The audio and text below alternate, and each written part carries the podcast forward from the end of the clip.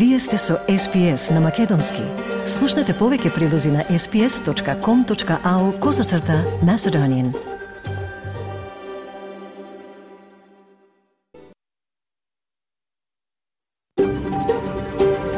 SBS, a world of difference. You're with SBS Macedonian on mobile, online, and on radio. Вие сте со SPS на Македонски, на мобилен, преку интернет и на радио.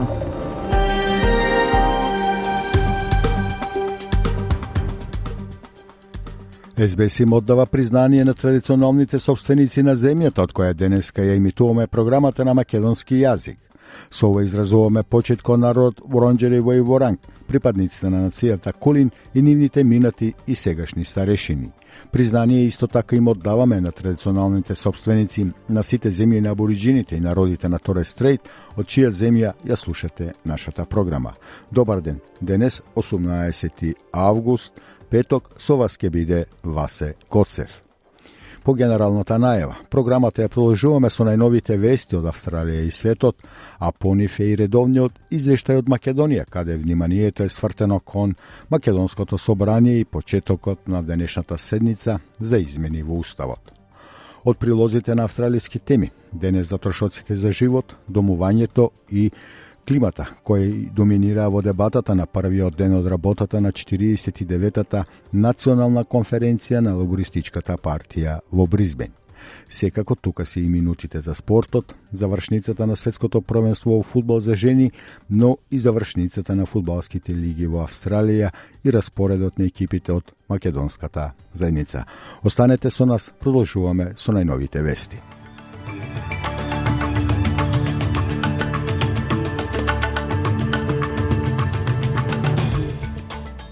Од денешниот билтен вести издвојуваме. Повеќе од 60 сенегалски мигранти се стравува дека се мртви, откако брод се превртал крај брегот на Зеленорадските острови.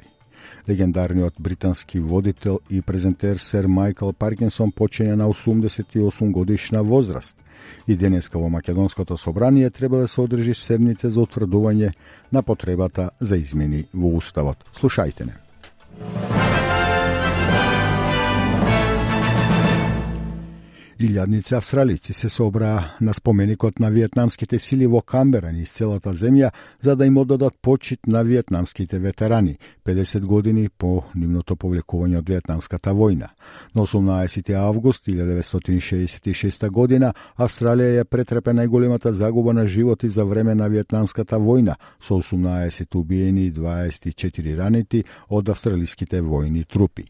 60.000 австралиски персонал служел во Виетнам во текот на една деценија и резултира со 523 изгубени животи и околу 3000 ранети. Кога преживеаните ветерани се вратија дома од Виетнам, беа пречекани со агресија од заедницата поради нивната вмешаност во непопуларен конфликт. Премиерот Ентони Албонезе ги призна нивните жртви и се извини за доснењето на нацијата да ги признае.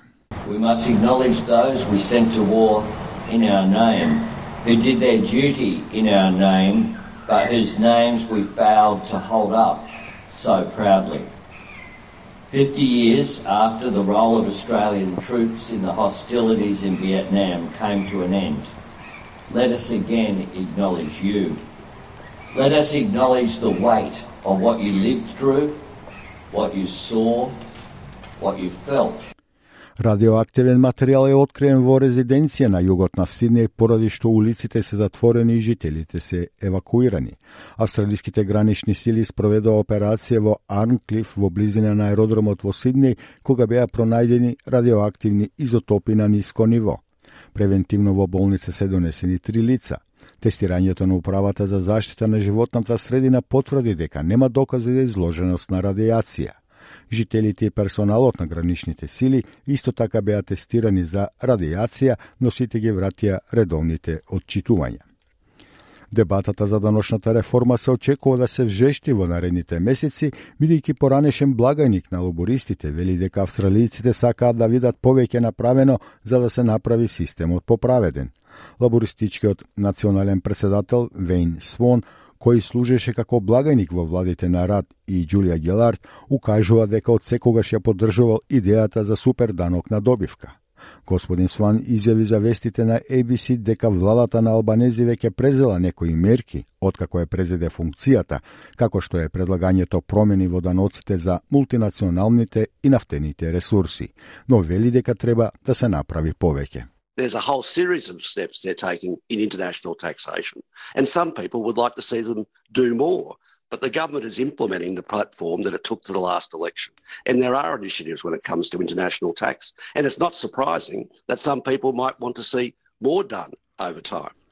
Правното здружение на Нов Јужен Вилс ја даде својата подршка за предлогот да се запише гласот на домородните луѓе во австралискиот устав. Тоа доаѓа во време на пазарање за да или не меѓу лидерите за да им се даде глас на луѓето од првите нации во парламентот и притисок за повеќе детали за гласот. Правното друштво верува дека гласот до парламентот представува јасна историска можност за да се вгради во уставот формална рамка за давање глас на праведен и достапен правен систем. Тоа го потврдува и вели Касандра Бенкс, која е председател на телото. The, Council of the Law Society supports respectful and courteous debate about the voice referendum. The proposed amendment to the Constitution is a modest one, leaving the Parliament with power to design the voice and how it will work. This approach will enable the voice to evolve and improve over time so it can better respond to the issues of the day. And we're being asked to vote for the power, not for the details. Прајминисторот Ентони Албанези треба да одговори на критиките за договорот за нуклеарни подморници Оукус кои доаѓаат однатре во лабористичката партија. За време на националната конференција на лабористите во Бризбен, министерот за одбрана Ричард Марлс ќе се обиде да воведе изјава за пактот Оукус во политичката платформа за време на дебатата за надворешна политика. Но владата се соочува со постојан притисок од партиските неистомисленици и некои синдикати да ги отстранат споменувањата на Оукус со незината политичка платформа. Повеќе од 50 лабористи донесоа резолуции против договорот со САД и Обединетото кралство со загриженост дека тој го напушта антинуклеарниот став на партијата и ќе постави Австралија на воен пат со Кина.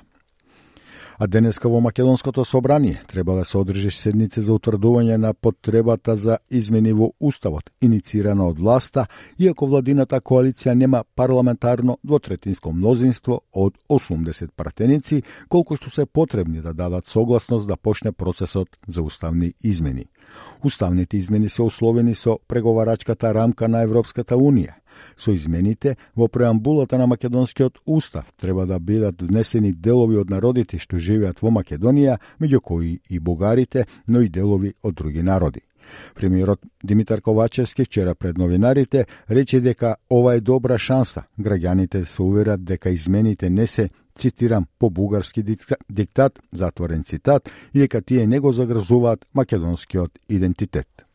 И од Европската унија дојде, и од Соединетите Американски држави со кои што имаме стратешки договор, дека преговарачката рамка е одобрена од сите земји членки на Европската унија и дека таа е најдоброто компромисно решение помеѓу 27-те земји членки на Европската унија и нашата држава. И сега кога и тоа го нема, сега се користи еден збор кој што вели диктат. А вие имате сообштение на Бугарското министерство за надворешни работи пред известно време во кое што вели да, тоа е преговарачката рамка во која што секој треба да се ги оствари своите обврски. Против промената на Уставот се 44 пратеници на коалицијата предводена од ВМРО ДПМН и двајцата на Левица. ВМРО ДПМН тврди дека наместо за уставни измени, денеска треба да се гласа за распуштање на собранието. Лидерот на Опозицијската ВМРО да ДПМН Христијан Мицковски синоќа пак во гостувањето на телевизија Сител рече дека неговата партија ќе гласа за уставните измени само ако, цитирам, Европската Унија даде гаранции дека ќе се задржат македонскиот идентитет, традицијата и културата, затворен цитат се стравува дека повеќе од 60 мигранти загинале откако брод со 100 претежно сенегалски мигранти се преврате во близина на брегот на Зеленорадските острови. Бродот бил забележан како плови на 14 август од рибарски брод управуван од шпанската компанија Певаса. Екипажот спасил 38 преживеани, излекол тела на средун жртви во близина на Зеленорадските острови, кои се наоѓа на околу 620 километри од брегот на Западна Африка. На оние кои не се во болница им се обезбедува за солниште во локалното училиште. Здравствениот представник на островот Сал, Хозе Мориера, вели дека нивната состојба се подобрува. Entre os, eh, portanto, os náufragos, temos eh, sete que expiram. The survivors are better. They're being hydrated. They're being looked after here in the tent, here at the port. In terms of testing, we're testing for malaria and COVID, and so far we haven't had any positives. Исто така четири лица се приведени во Франција откако брод со илегално превезување мигранти во Велика Британија потона во Ламанш, при што загинаа шест лица.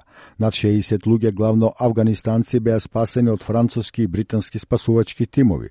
Речи си сите што беа на бродот поминаа низ камп во Кале. 22 годишниот Идрис е еден од многуте афганистански мигранти кои го преживеа тешкото искушение. We started on our way to Britain. There were far too many passengers. The waves were very strong and the boat split up. Some people fell into the water and drowned. The passengers who survived held on to their tubes, life buoys, waiting for help to arrive from Italy or London.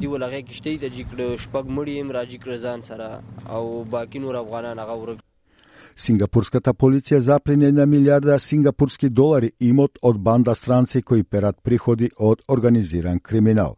Уапсени се најмалку 10 странци на возраст меѓу 31 и 44 години. Во еден од најголемите случаи на перење пари, полицијата вели дека со 400 полицајци во истовремени Сингапур започнале истовремени рации во резиденција низ градот држава. Биле опфатени 94 куќи, банкарски сметки во вкупна вредност од 110 милиони долари, 50 автомобили, купишта готовина во вкупна вредност од над 23 милиони долари, стотици дизајнерски чанти и часовници, накид и две златни прачки кои се нашле меѓу вредните предмети. Легендарниот британски водител на ток-шоу Сер Майкл Перкинсон е запаметен како джин на радиодифузијата по неговата смрт на 88 годишна возраст. Неговото семејство објави сообштение во кое се вели дека тој починал мирно дома по кратко боледување. Неговата кариера траеше 7 децени во весниците, радиото и телевизијата и тој имаше интервјуа со некои од најголемите светски имиња во неговото толк шоу Перкинсон.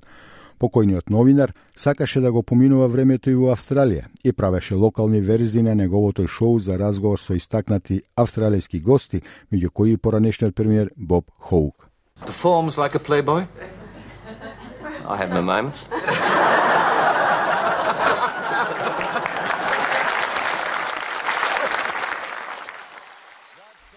Едно од неговите редовни австралијски гости беше покојната дам Една Еверич, која еднаш откри дека имала само мала естетска операција. So, but you, you've resisted the temptation so far. Very much. have. I have just a little tightening here and Of there. course. No, way you can see. Плоштадот на Федерацијата во Мелбурн соопшти дека нема да ги имитува преостанатите над превари од светскиот куп во фудбал за жени откако беа пуштени светлички ракети на полуфиналето на Матилдас против Англија во средата. Од тогаш викториската полиција им изрече казни од повеќе од 960 долари на четворица мажи на возраст меѓу 16 и 23 години за поседување ракети и предупреди уште едно 16 годишно момче за фрлање светлечка ракета. За спортот подосна во програмата.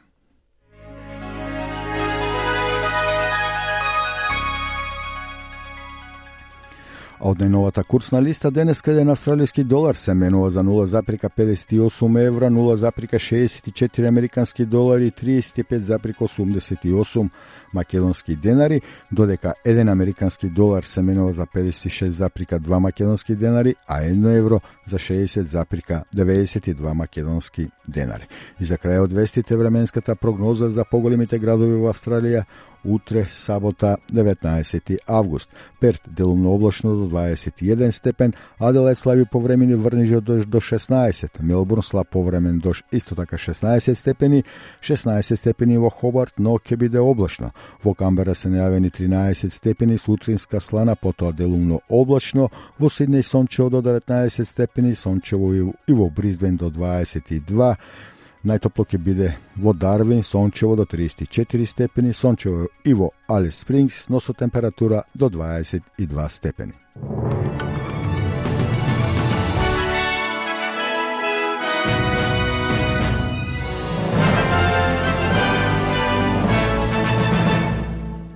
На програмата на македонски јазик на СБС радио ги слушавте најновите вести. В денешните вести можете да ги најдете подоцна во текот на денот на нашата веб страница sbs.com.eu косацрта Macedonian, но и на Facebook SBS Macedonian.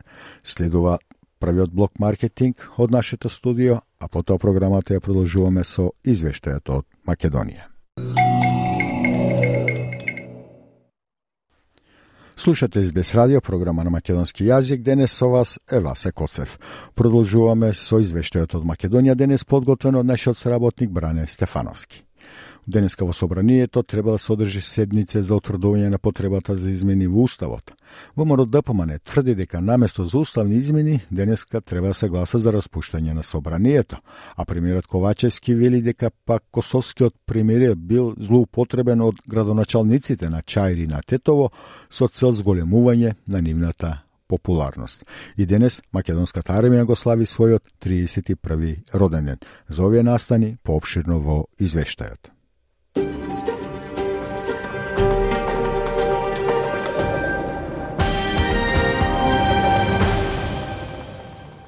Денеска во собранието треба да се одржи седница за утврдување на потребата за измени во Уставот, иницирана од власта, иако владината коалиција нема парламентарно двотретинско мнозинство од 80 мина пратеници, колку што се потребни да дадат согласност да почне процесот за уставни измени. Уставните измени се условени со преговарачката рамка на Европската Унија.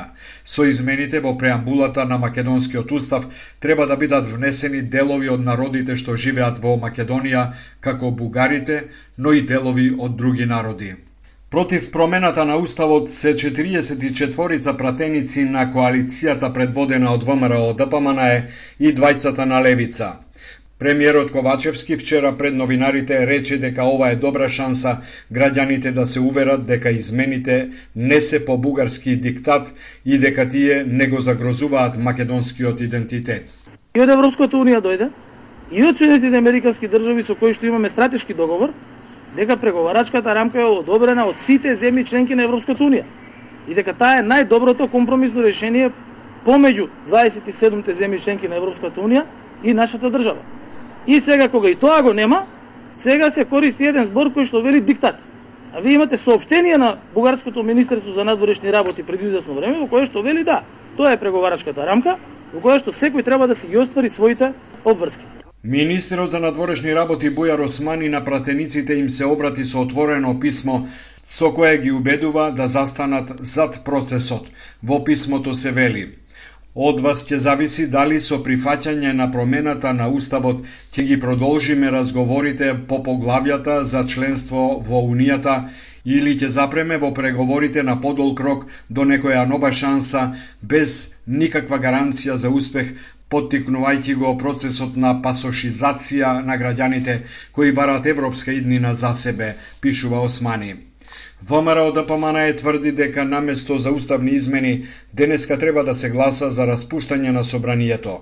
Во вчерашното сообштение на оваа партија се вели Ковачевски, ако имаше доволно пратеници, уставните измени ќе ги ставеше на гласање многу одамна. Утре ќе се види повторно дека промена на уставот нема да има.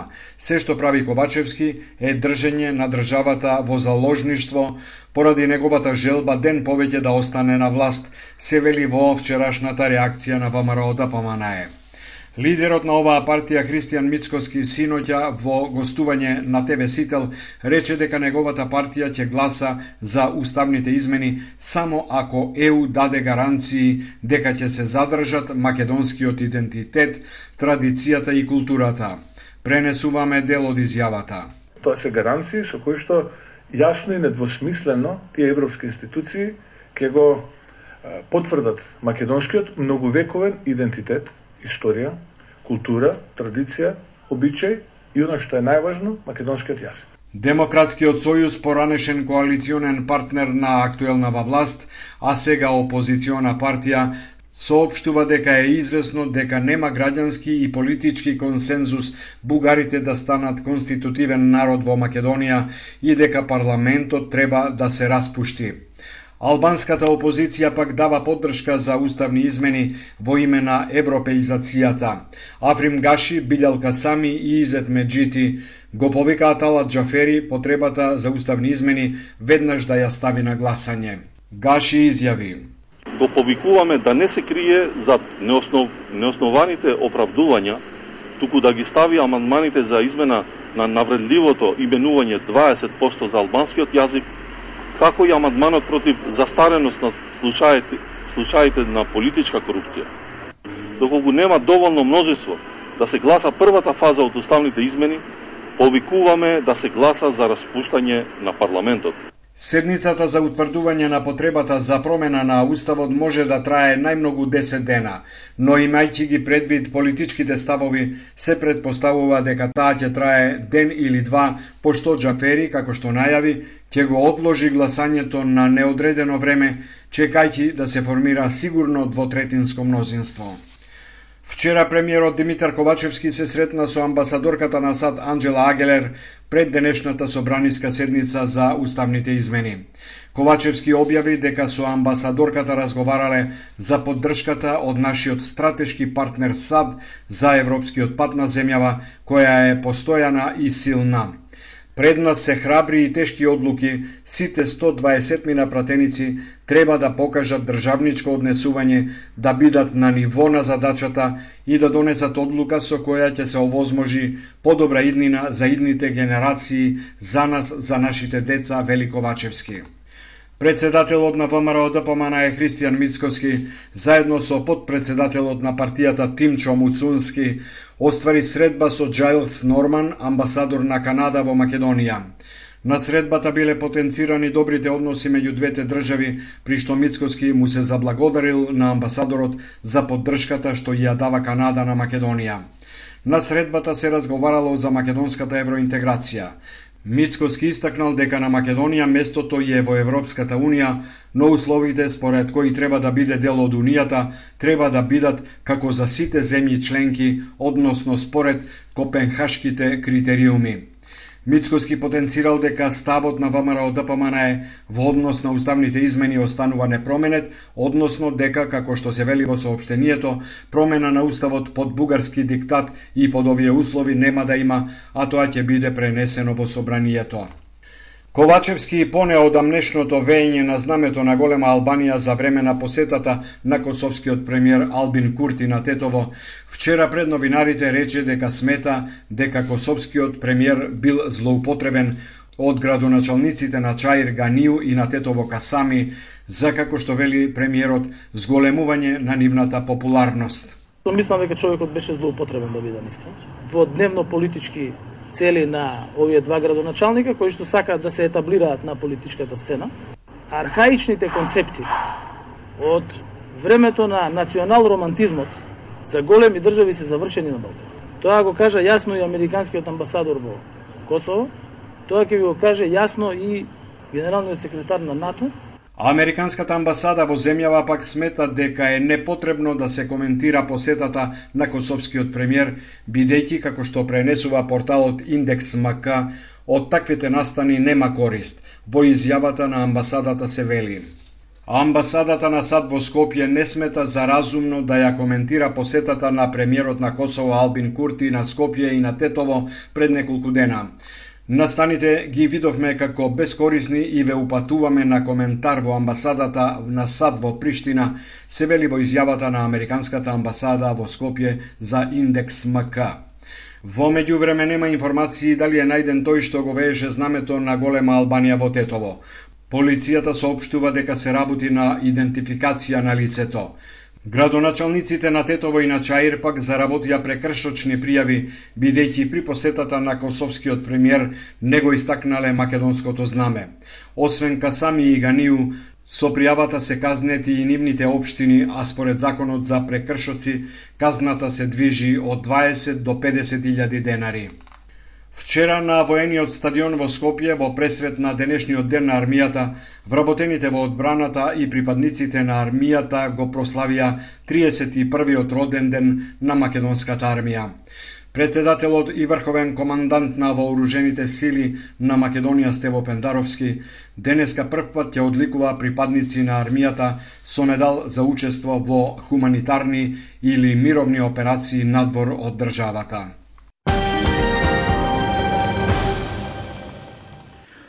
Тоа беше нашиот соработник од Македонија Бране Стефановски со редовниот извештај со најновите настани од Македонија, чии извештај пак ќе биде достапен на веб и фейсбук страниците подосна во денот, да подсетам на фейсбук страница SBS Macedonian, а на веб страницата е sbs.com.eu косацрта Macedonian. Таму покрај извештајот ќе ги најдете денешните вести, но и други интервјуа, прилози и видеоклипови на разни теми. Инако да подсетам дека SBS на македонски преко радио се емитува секој ден од понеделник до петок, онлайн, но и на мобиле. Сега следува уште еден блок маркетинг, а потоа програмата ја продолжуваме со тоа прилози на домашни австралиски теми. Програмата на македонски јазик на SBS радио ја продолжуваме со прилози на домашни австралиски теми. Имено во Бризбен во теке 49-та национална конференција на лобористичката партија, на која 400 делегати ќе гласат за политиката на партијата. Трошоците за живот, домувањето и климата доминира во дебатата на првиот ден од тридневниот настан, додека премиерот се обидува да ги смири синдикатите како и загриженоста така кај австралиската јавност. Колешката Маргарита Василева го пренесува прилогот на Сем Довер и Сара Томовска, подготвен за SBS News.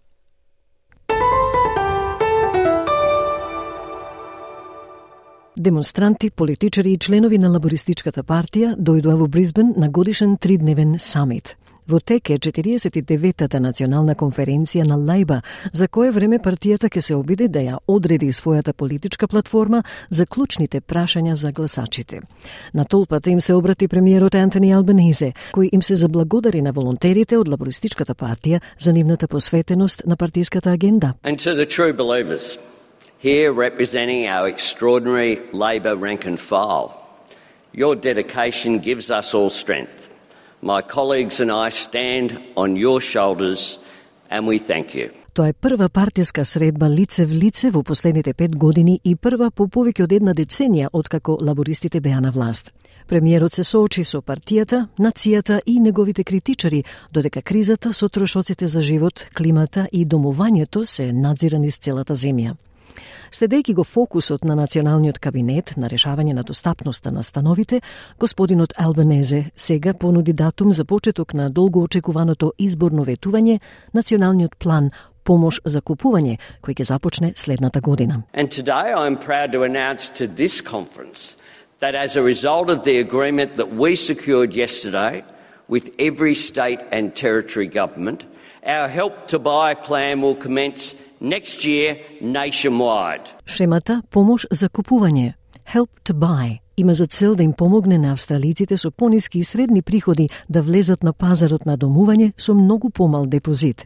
Владата ќе се вклучи со покривање на 40% од куповната цена на новата градба и со 30% за веќе постоечки дом. Шемата ќе важи за 10.000 куќи секоја година и купувачите ќе мора да живеат во домот. Ова би било мал дел од вкупниот годишен број на продажби на куќи во Австралија, при што податоците на CoLogic проценуваат дека имало околу 598.000 продажби на куќи и станови низ Австралија во годината што завршува во август 2021 година. Лидерот на партијата на Зелените Адам Банд вели дека ова политика не влегува во суштината на стамбената криза и со една третина од нацијата под Кирија, тој вели дека треба повеќе да се направи. These new places under uh, being offered by Labor will be rarer than Willy Wonka golden tickets. I mean, it is not a help to buy scheme, it is a hard to get scheme. What Labor should be doing in the middle of the worst housing crisis in, gener- in generations is stop giving billions of dollars a year in tax handouts to politicians, billionaires, and property moguls and instead use that money to build affordable housing for everyone and stop rents going up by the incredible amounts that we've seen that are putting people in huge stress. Оваа недела националниот кабинет објави дека ќе ја зголеми целта на владата на Албанезе за изградба на 1 милион куќи во следните 5 години на 1,2 милиони. Сепак, лидерот на опозицијата Питер Датон вели тој не верува дека премиерот ќе може да ја исполни оваа амбиција. Now, Labor promised a million houses, or they said it was an aspiration. Uh, they promised that in October of last year, and we know uh, that they're not going to reach that target. So increasing it to 1.2 million might sound good, and the Prime Minister might be talking a big game, but the Prime Minister never delivers. Uh, he doesn't get across the detail, and I, I just don't think he's up to the task. Лабористичката партија исто така се притиска да ги смири синдикатите, како што е синдикатот Construction, Forestry, Maritime, Mining, Energy Union. Градежниот синдикат неодамна побара корпоративен данок на супер профит за да помогне во финансирањето на социјалните станови, а секретарот на синдикатот Зак Смит на конференцијата рече дека тоа е тест за политичкиот интегритет на владата. This is not everything that the union is demanding, but is a very significant first step. And it's a sort of step that a progressive Labor government should be doing. We've been told since the 80s to sit back and let the markets decide, that the great reform era is over. Well, this is nonsense. The state has a role to play, and it must play this role in corporate taxation and housing. Како што дебатата се сврте кон климата, еколошката гранка на лабористите не беше во можност да извлече концесија за ставање крај на сечата на домашно дрво. Наместо тоа, делегатите прифатија лабава заложба за ревизија на политиката за шумарство на нацијата. Застапниците на животната средина велат дека неуспехот да се обезбеди забрана доаѓа и покрај тоа што потегот беше одобрен од мнозинството членови пред конференцијата. Felicity Wade од Environment Action Network на Лабористичката партија призна дека продолжувањето на автохтоната сеча ги подкопува еколошките цели на партијата. Native forest logging is a travesty in the 21st century. While ever it continues, we undermine the government's policy objectives on ending extinctions and on emission reductions. And we prove ourselves a little bit deaf to the deep environmental concern of our members. И покрај нелагодноста, премиерот успеа да организира клучни компромиси за да го одржи редот на лабористите. Тоа може би нема да биде случај денеска, бидејќи се појавува дебата за планот на владата на Албанезе да потроши до 368 милиарди долари на пакет нуклеарни подморници како дел од пактот ОКС со Соединетите држави и Обединетото кралство. Повеќе од 50 лабористи донесоа резолуции против договорот ОКС со загриженост дека планот ќе стави Австралија на пат кон војна. Од прилогот на Сам Дова и Сера Томевска за SBS News.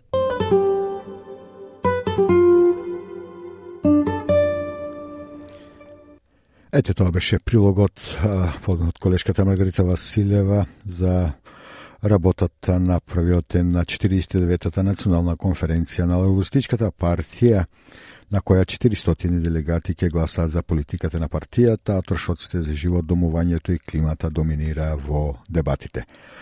Продолжуваме со уште еден прилог, имено студија на Универзитетот Монаш истражува дали ново развиената диета може да го намали воспалението кај кроновата болест.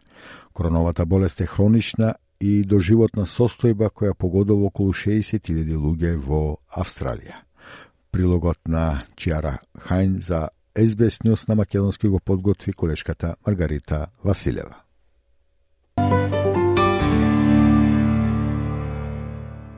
На Нед Уърф прв пат му била диагностицирана кронова болест кога имал 19 години. Сега, 35 годишниот од Бендиго вели дека оваа состојба влијае на многу аспекти од неговиот живот. Вели, секој ден може да варира во тежината на болеста, некои денови се подобри од другите, може да биде прилично летаргичен и доста уморен, има така наречена мозочна магла, многу болка, но тоа е сосема неконзистентно и е сосема неконтролирано и може да се појави одеднаш, вели Нед. Every day can vary um, in the severity of the um, disease. Some days are better than others.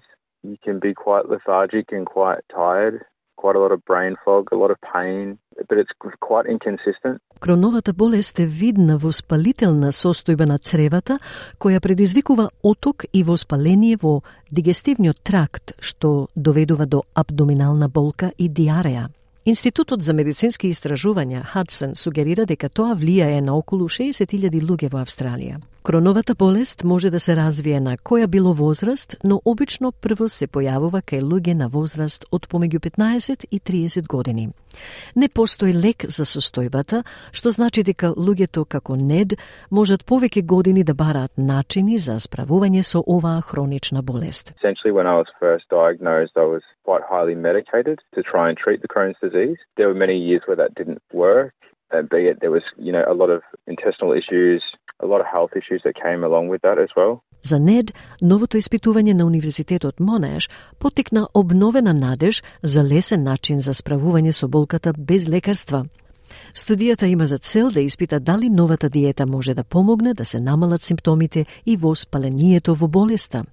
Джесика Фицпатрик е диететичар во оделот за гастроентерологија на Централното клиничко училиште на Универзитетот Монеш. Таа вели дека на пациентите кои учествуваат во испитувањето им се даваат различни здрави оброци. Се обидуваат да испитаат дали една или двете диети кои ги користат во оваа студија може да помогне да се намали воспалението кај кронова болест и да се подобрат симптомите на пациентот. We are trying to investigate if one or both of our diets that we're using in this study can help to reduce the inflammation in Crohn's disease and improve patient symptoms. На прашањето каде е разликата во овој метод, господјата Фицпатрик објаснува зошто сегашните третмани не даваат доволно добри резултати за пациентите со кронова болест. Во моментов, главниот третман за кронова болест е медицинскиот третман, вели таа, а на некои пациенти им е потребна и операција. Тоа се луѓе на кои им е диагностицирана кронова болест прилично млади и долготрајната медицинска терапија не е нешто што функционира, туку многу од пациентите имаат огромен интерес за диетална терапија. Има диета која работи во моментот за да предизвика ремисија кај кронова болест, но тоа е целосно течна диета и во суштина функционира со исклучување на секаква храна. At the moment, the mainstay treatment for Crohn's disease is um, medical treatment, um, and some patients need surgery as well. Um, these are people who are diagnosed quite young with Crohn's disease, and um, long term medical therapy is not something that works, but a lot of patients have a huge interest in dietary therapy. Кроновата болест е автоимуна состојба, што значи дека проблемот е со имунолошкиот систем. Точната причина за кронова болест не е позната, но се смета дека генетиката, инфекциите и другите фактори на животната средина се важни. Уейн Масерджа е раководител на Quality Research and Support Services во Crohn's and Colitis Australia. Тој вели дека случаите на кронова болест се зголемуваат, особено кај помладите луѓе. Cases are increasing in Australia and in particular in the young population. Um, some people think of it as a young person's disease because as a chronic disease, it's it's commonly diagnosed between the ages of about 15 and, and 35. Додека случаите растат кај помладите луѓе, господинот Масугер вели дека болеста е најмалку евидентна во домородните и ниско социјално-економските заедници. Тој вели дека има недостигна општо знаење за кроновата болест во Австралија, што може да биде особено опасно за луѓето во мултикултурните заедници. It's more common in Australia in our um, advantaged socioeconomic groups. It's less common in Aboriginal and Torres Strait Islander community. Crohn's and Colitis Australia лансираше нови ресурси на пет јазици за да помогне да се затвори јазот во здравственото образование со кој се соочуваат луѓето во мултикултурните заедници.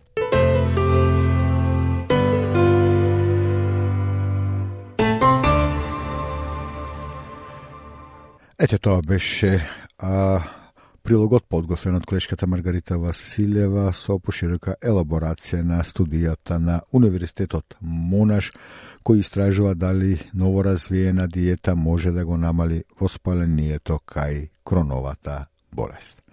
Програмата на македонски јазик не без радио ќе продолжиме со последниот блок маркетинг, а потоа ќе имате можност да ги услушнете не новото од спортот, Па предходно само да ве подсетам дека Нашата Facebook страница е избез Macedonian, можете да ја посетите во секое време, таму ќе најдете интервјуа, прилози и видеоклипови на теми како што се од македонската култура и наследство, спорт, музика, политика, македонски јазик и слично, а истото можете да го пронајдете на нашата веб страница sbs.com.eu коса црта Macedonian.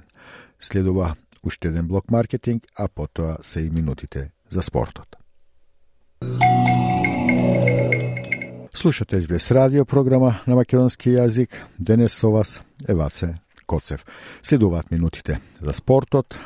Остапуваме простор на завршницата на светското првенство во фудбал за жени. Утре се игра над преворот за третото место помеѓу Австралија и Шведска. Во недела е големото финале Шпанија-Англија.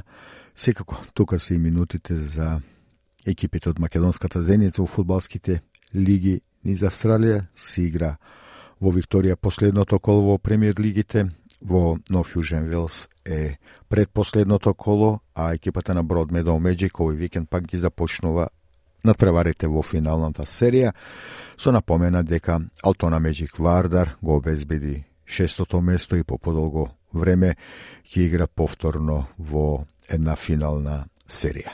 Пообширно во извештајот.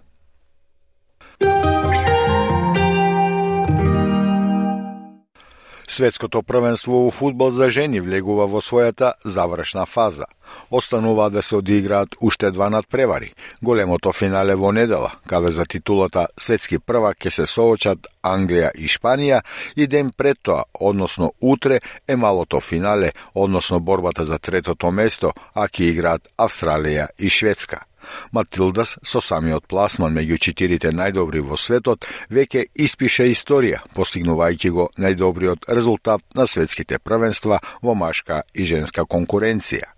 Сега останува против Шведска утре во Бризбен со почеток од 18 часот да го потврди успехот со освојување и медал. По поразот од Англија, селекторот Тони Густавсон изјави дека нема многу простор за тага и жал по поразот и вниманието сега е свртено кон подготовките за дуелот против Шведска. It's an extremely short turnaround to that game now. I know we're emotional, but we have no time to dwell on this one.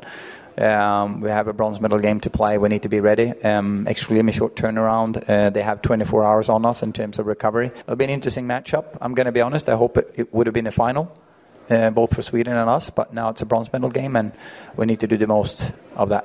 а поразот во полуфиналето на светското првенство на Матилдас против Англија постави и рекорд по гледаност на телевизиска публика. Поразот создаде историја со тоа што стана најгледаната ТВ програма од почетокот на сегашниот систем за мерење на публиката во 2001 година.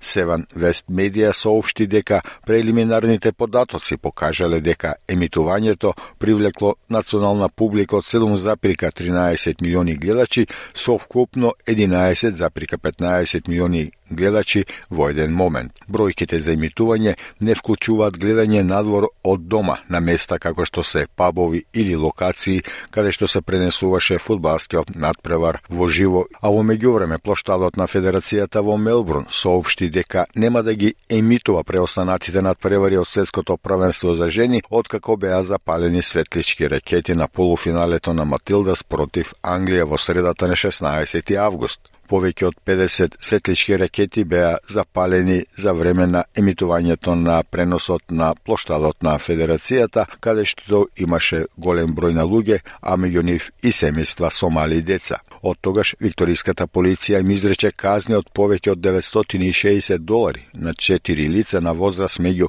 16 и 23 години и предупреди уште едно 16 годишно момче за фрлање светлечка ракета и премиерот на Викторија, господин Даниел Ендрус, во врска со овој инцидент додаде дека неколку лоши јаболка нема да доведат до тоа плоштадот на Федерацијата повеќе да не се користи за прикажување на големи настани.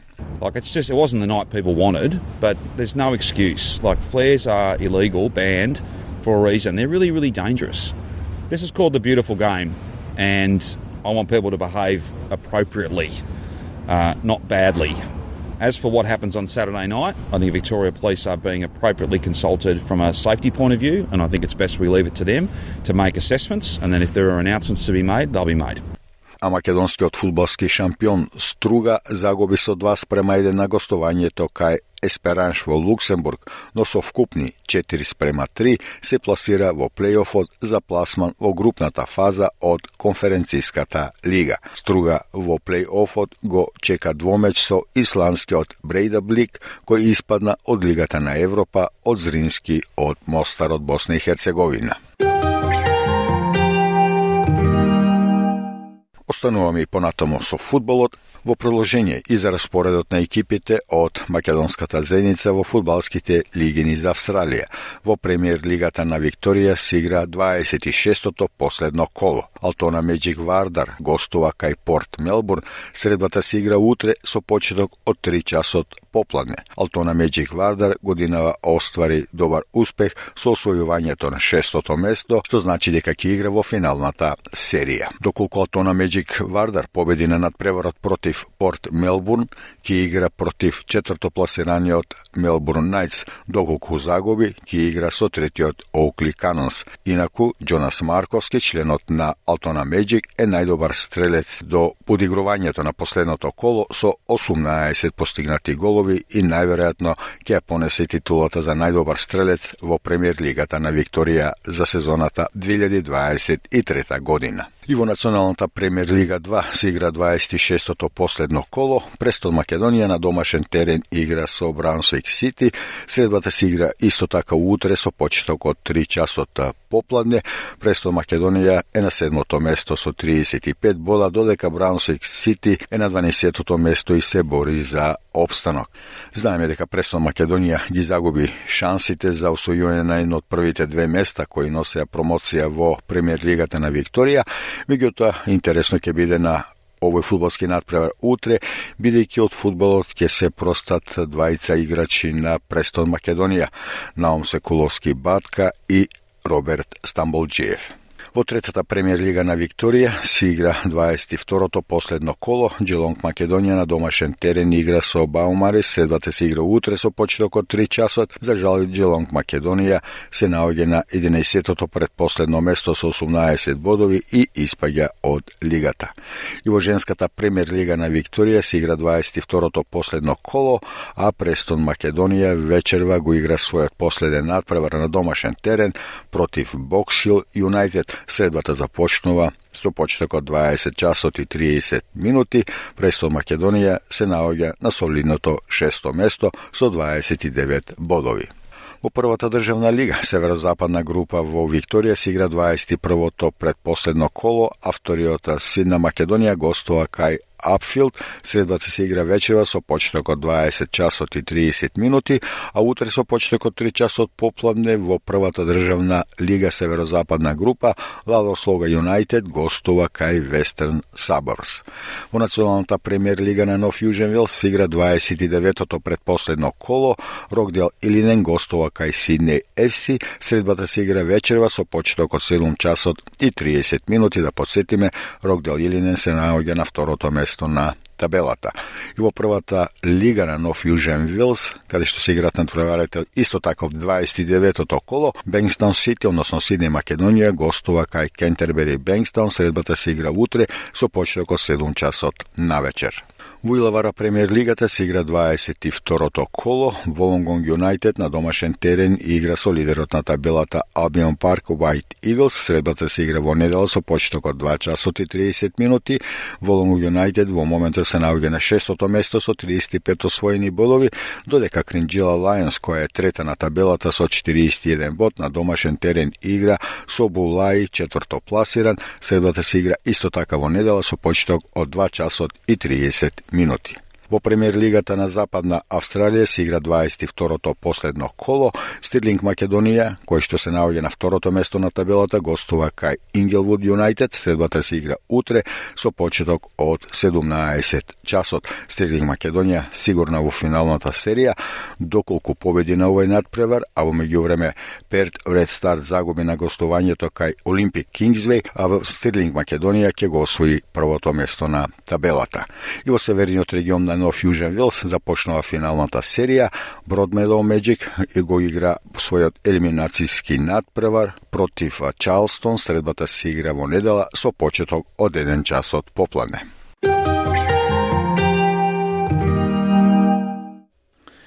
Ете со минутите за спортот, полека се доближуваме до крајот на денешна програма. Овој викенд ќе помине во знакот на фудбалот, светското првенство фудбал за жени. Да подсетиме Матилда, На Австралија, утре против Шведска игра над преворот за освојување на третото место, додека големото финале е во недела. Се среќаваат Англија и Шпанија. Еве, слушнавме во извештај дека и нема да се имитува во пренос над преворот на Австралија на плоштадот на Федерацијата, познатиот Federation Square во Мелбурн, поради инцидентот од полуфиналниот надпревар, а секако слушнавте и за настапот на екипите на македонските зеници, кои поголем дел од нив речиси сите се наоѓаат во финалната серија. А, пред да се одјавиме и едно сообштение од македонската заедница овде во Мелбурн, имено Македонското литературно друштво Кочо Рацин од Мелбурн ги поканува сите љубители на пишаниот збор да дојдат на промоција на две нови книги. Расчаречени души македонски, збирка раскази од Нове Младеновски, на која промотор ќе биде Ордан Андреевски и збирката поезија поетски мозаик од Гордана Димовска, чиј промотор ќе биде Дона Димовска Кантаровски. Инаку промоцијата ќе се одржи во недела на 10 септември во библиотеката во Милпарк со почеток од 13 часот. И уште наш почитувани слушатели да се подсетиме на најважните настани на денот.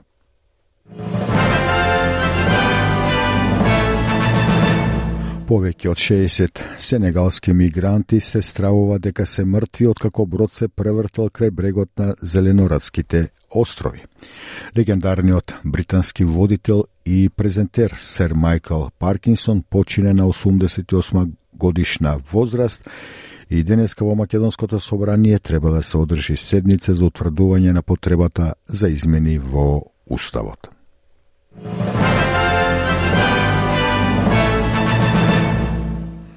И со тоа, почитувани слушатели, полека стигнуваме до крајот на денешнава програма. Денес со вас беше Васе Коцев. Пред да ви се заблагодарам што бевте со нас, да ве подсетам да ја посетите нашата Facebook страница SBS Macedonian или нашата веб страница sbs.com.eu коса црта Macedonian, тамо ќе најдете интервјуа, прилози и видеоклипови на теми како што се македонската култура, наследство, спорт, музика, политика, македонски јазик и слично. А, да ве подсетам дека SBS можете да слушате од понеделник до петок, секој ден точно на 12 часот, па затоа во понеделник бидете со нас повторно напладне во 12 часот. Од вас е Коцев и од екипата на СБС Радио на Македонски ви посакувам пријатно попладне и пријатен викенд и бидете повторно со нас во понеделник. Стиснете, ми се допаѓа, споделете, коментирајте. Следете ја SPS на Македонски на Facebook.